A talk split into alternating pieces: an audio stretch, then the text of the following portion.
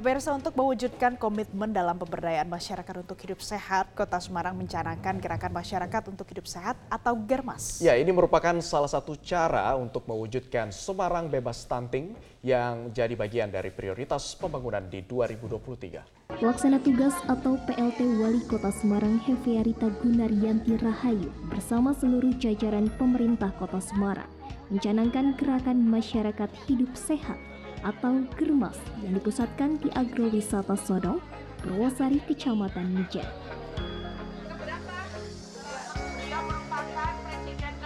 Kegiatan ini mewujudkan komitmennya dalam pemberdayaan masyarakat untuk hidup sehat, sejahtera, dan bebas stunting. Kegiatan ini digelar serentak di 177 kelurahan sekota Semarang sekaligus bersamaan dengan peresmian hasil kegiatan OPD tahun 2022. Dalam pengarahannya, Hefearita menyampaikan mengenai prioritas pembangunan Kota Semarang tahun 2023, yakni penanganan banjir dari hulu ke hilir serta penanganan stunting. Lebih lanjut, dirinya menuturkan bahwa Germas serentak ini sekaligus sebagai wujud edukasi masyarakat untuk menjaga kesehatan, pemberdayaan diri dan lingkungan guna mewujudkan ketahanan pangan. Guyub rukun ini menunjukkan semangat kita bersama memasak menu sehat untuk masyarakat sehat sejahtera. Dimulai dengan kegiatan senam bersama, pemeriksaan kesehatan ibu hamil, balita, dan lansia, serta memasak menu sehat bergizi untuk anak-anak. Menurutnya, penanganan stunting tidak hanya difokuskan pada balita, melainkan harus dimulai sejak masa kehamilan hingga seribu hari pertama tumbuh kembang anak. Karenanya, treatment dan edukasi pun harus diberikan mulai dari ibu hamil, sehingga kehamilan dan bayi yang dilahirkan sehat. Uh, untuk membuat anak-anak uh, sehat gitu ya bebas stunting. Ini kan tidak hanya pada saat setelah dilahirkan tetapi saat mulainya seribu hari kehidupan pertama ini sejak bertemunya sel sperma dan sel telur. Sehingga pada saat itu harus sudah mulai dipantau bagaimana uh, janin yang ada di dalam perut seorang ibu. Dan hari ini juga dilakukan apa pemeriksaan kemudian juga untuk edukasi ibu hamil kemudian pemeriksaan kesehatan khususnya kepada anak-anak stunting dan ibu hamil Eviarita optimis di tahun 2023 ini angka stunting di kota Semarang ditargetkan tuntas terselesaikan dari angka awal 1400 menjadi 0 kasus. Pihaknya juga mendorong kegiatan menanam dan pertanian di wilayah perkotaan atau dikenal dengan urban farming. Dengan bertanam, lanjutnya akan menjadi langkah solutif masalah penghijauan, ketahanan pangan, dan pengentasan kemiskinan yang saling terkait satu sama lain.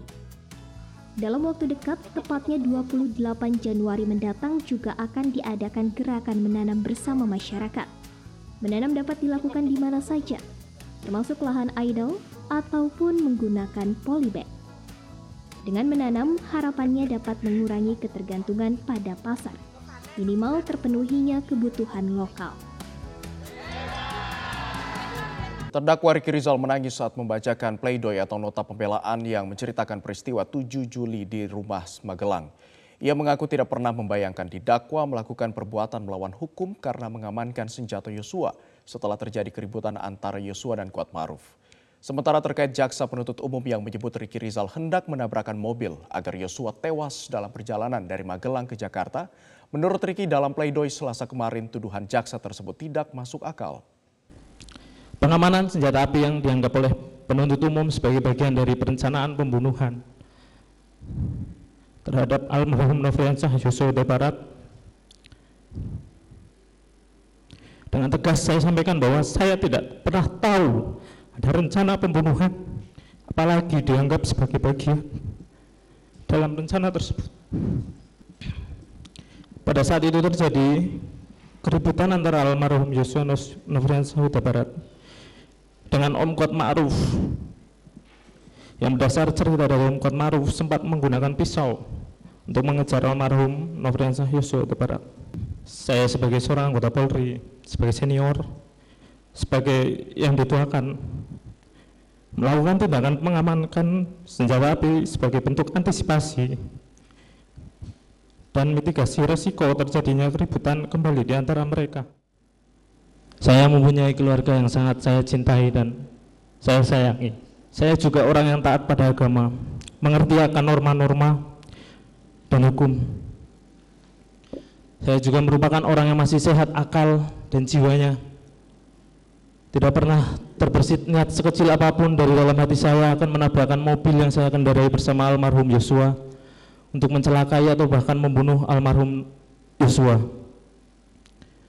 Yang apabila saya lakukan hal tersebut sama saja saya berniat untuk bunuh diri. Dan saya tegaskan sekali lagi bahwa saya tidak pernah menyampaikan hal sangat tidak masuk akal seperti itu kepada siapa pun. Sementara itu terdakwa Kuat Ma'ruf mengakui kekurangan dirinya yang bodoh dan mudah dimanfaatkan. Namun dalam pledoi atau nota pembelaannya Kuat membantah ikut andil dalam pembunuhan berencana Yosua. Kuat Ma'ruf juga bercerita soal Yosua yang pernah membantu membayar uang sekolah anaknya. Kuat bahkan bersumpah ia bukan orang yang tega membunuh orang terlebih Yosua pernah membantunya. Saya aku yang mulia, saya ini bodoh. Saya dengan mudah dimanfaatkan oleh penyidik untuk mengikuti sebagian BAP dari Richard. Saya merasa bingung dan tidak mengerti dengan semua proses persidangan yang sedang berjalan. Tetapi saya tetap berusaha untuk menjalankan proses persidangan sebagaimana seharusnya walaupun saat ini saya tidak tahu salah saya apa dan saya tidak mengerti kenapa saya dituduh ikut dalam perencanaan pembunuhan almarhum Yosua. Demi Allah, saya bukan orang sadis, tega dan pu tidak punya hati untuk ikut membunuh orang apalagi orang yang saya kenal baik dan pernah menolong saya. Saya sangat bingung dan tidak percaya atas kejadian ini karena bagaimanapun juga saya saya punya anak dan istri yang pastinya berdampak pada mereka. Di sisi lain album Yosua juga baik kepada saya. Bahkan saat saya dua tahun tidak bekerja dengan Bapak Ferdi Sambo, almarhum Yosua pernah membantu saya dengan rezekinya karena pada saat itu anak saya belum bayar sekolah. Menteri Pertahanan Republik Indonesia Prabowo Subianto menyerahkan alat penunjang dinas berupa motor dan alat komunikasi kepada Bintara Pembina Desa atau Babinsa di Komando Rayon Militer Serengan 03 Solo. Dalam seremoni serah terima, Prabowo didampingi Wali Kota Solo Gibran Raka Buming Raka. Dalam kesempatan ini pemirsa, Prabowo mengatakan Komando Teritorial adalah tulang punggung pertahanan oleh karena itu, pemerintah di bawah Presiden Joko Widodo mengarahkan dirinya selaku Menhan untuk memberdayakan seluruh komando teritorial di Indonesia. Selain itu, Prabowo juga mengungkapkan pemerintah akan memperbaiki sejumlah kantor komando teritorial di seluruh Indonesia seperti Kodam, Komando Daerah Militer, Komando Distrik Militer atau Kodim, Koramil hingga Babinsa. Dalam berbagai kesempatan, Prabowo selalu menekankan bahwa pertahanan negara Indonesia adalah konsep pertahanan keamanan rakyat semesta, di mana komando teritorial menjadi ujung tombaknya. Versa Kylian Mbappe memang layak disandingkan bersama Lionel Messi dan Cristiano Ronaldo sebagai penyerang terbaik dunia. Ya, terbaru Mbappe mencetak 5 gol saat Paris Saint-Germain menang menghadapi Pays de Chessel di turnamen Copa Prancis. Striker Paris Saint-Germain, Kylian Mbappe, semakin menunjukkan kualitas sebagai salah satu penyerang terbaik di dunia.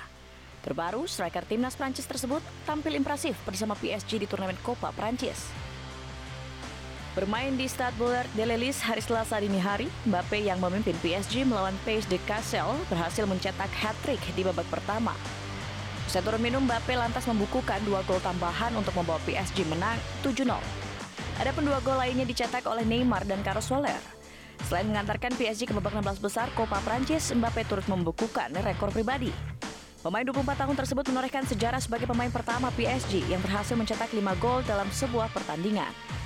Dalam 24 laga yang sudah dijalani, Mbappe sudah mengemas 25 gol di semua kompetisi. Selain itu, Mbappe sudah kembali produktif setelah gagal mencetak gol di dua laga sebelumnya saat melawan Lens dan Reims. Pelatih PSG, Christophe Galtier pun mengapresiasi ketajaman Mbappe di laga melawan PSV Kassel. Menurutnya, Mbappe adalah seorang penyerang yang memiliki insting mencetak gol yang sangat tinggi. Hal tersebut sangat penting untuk PSG yang bermimpi untuk meraih trofi Liga Champions.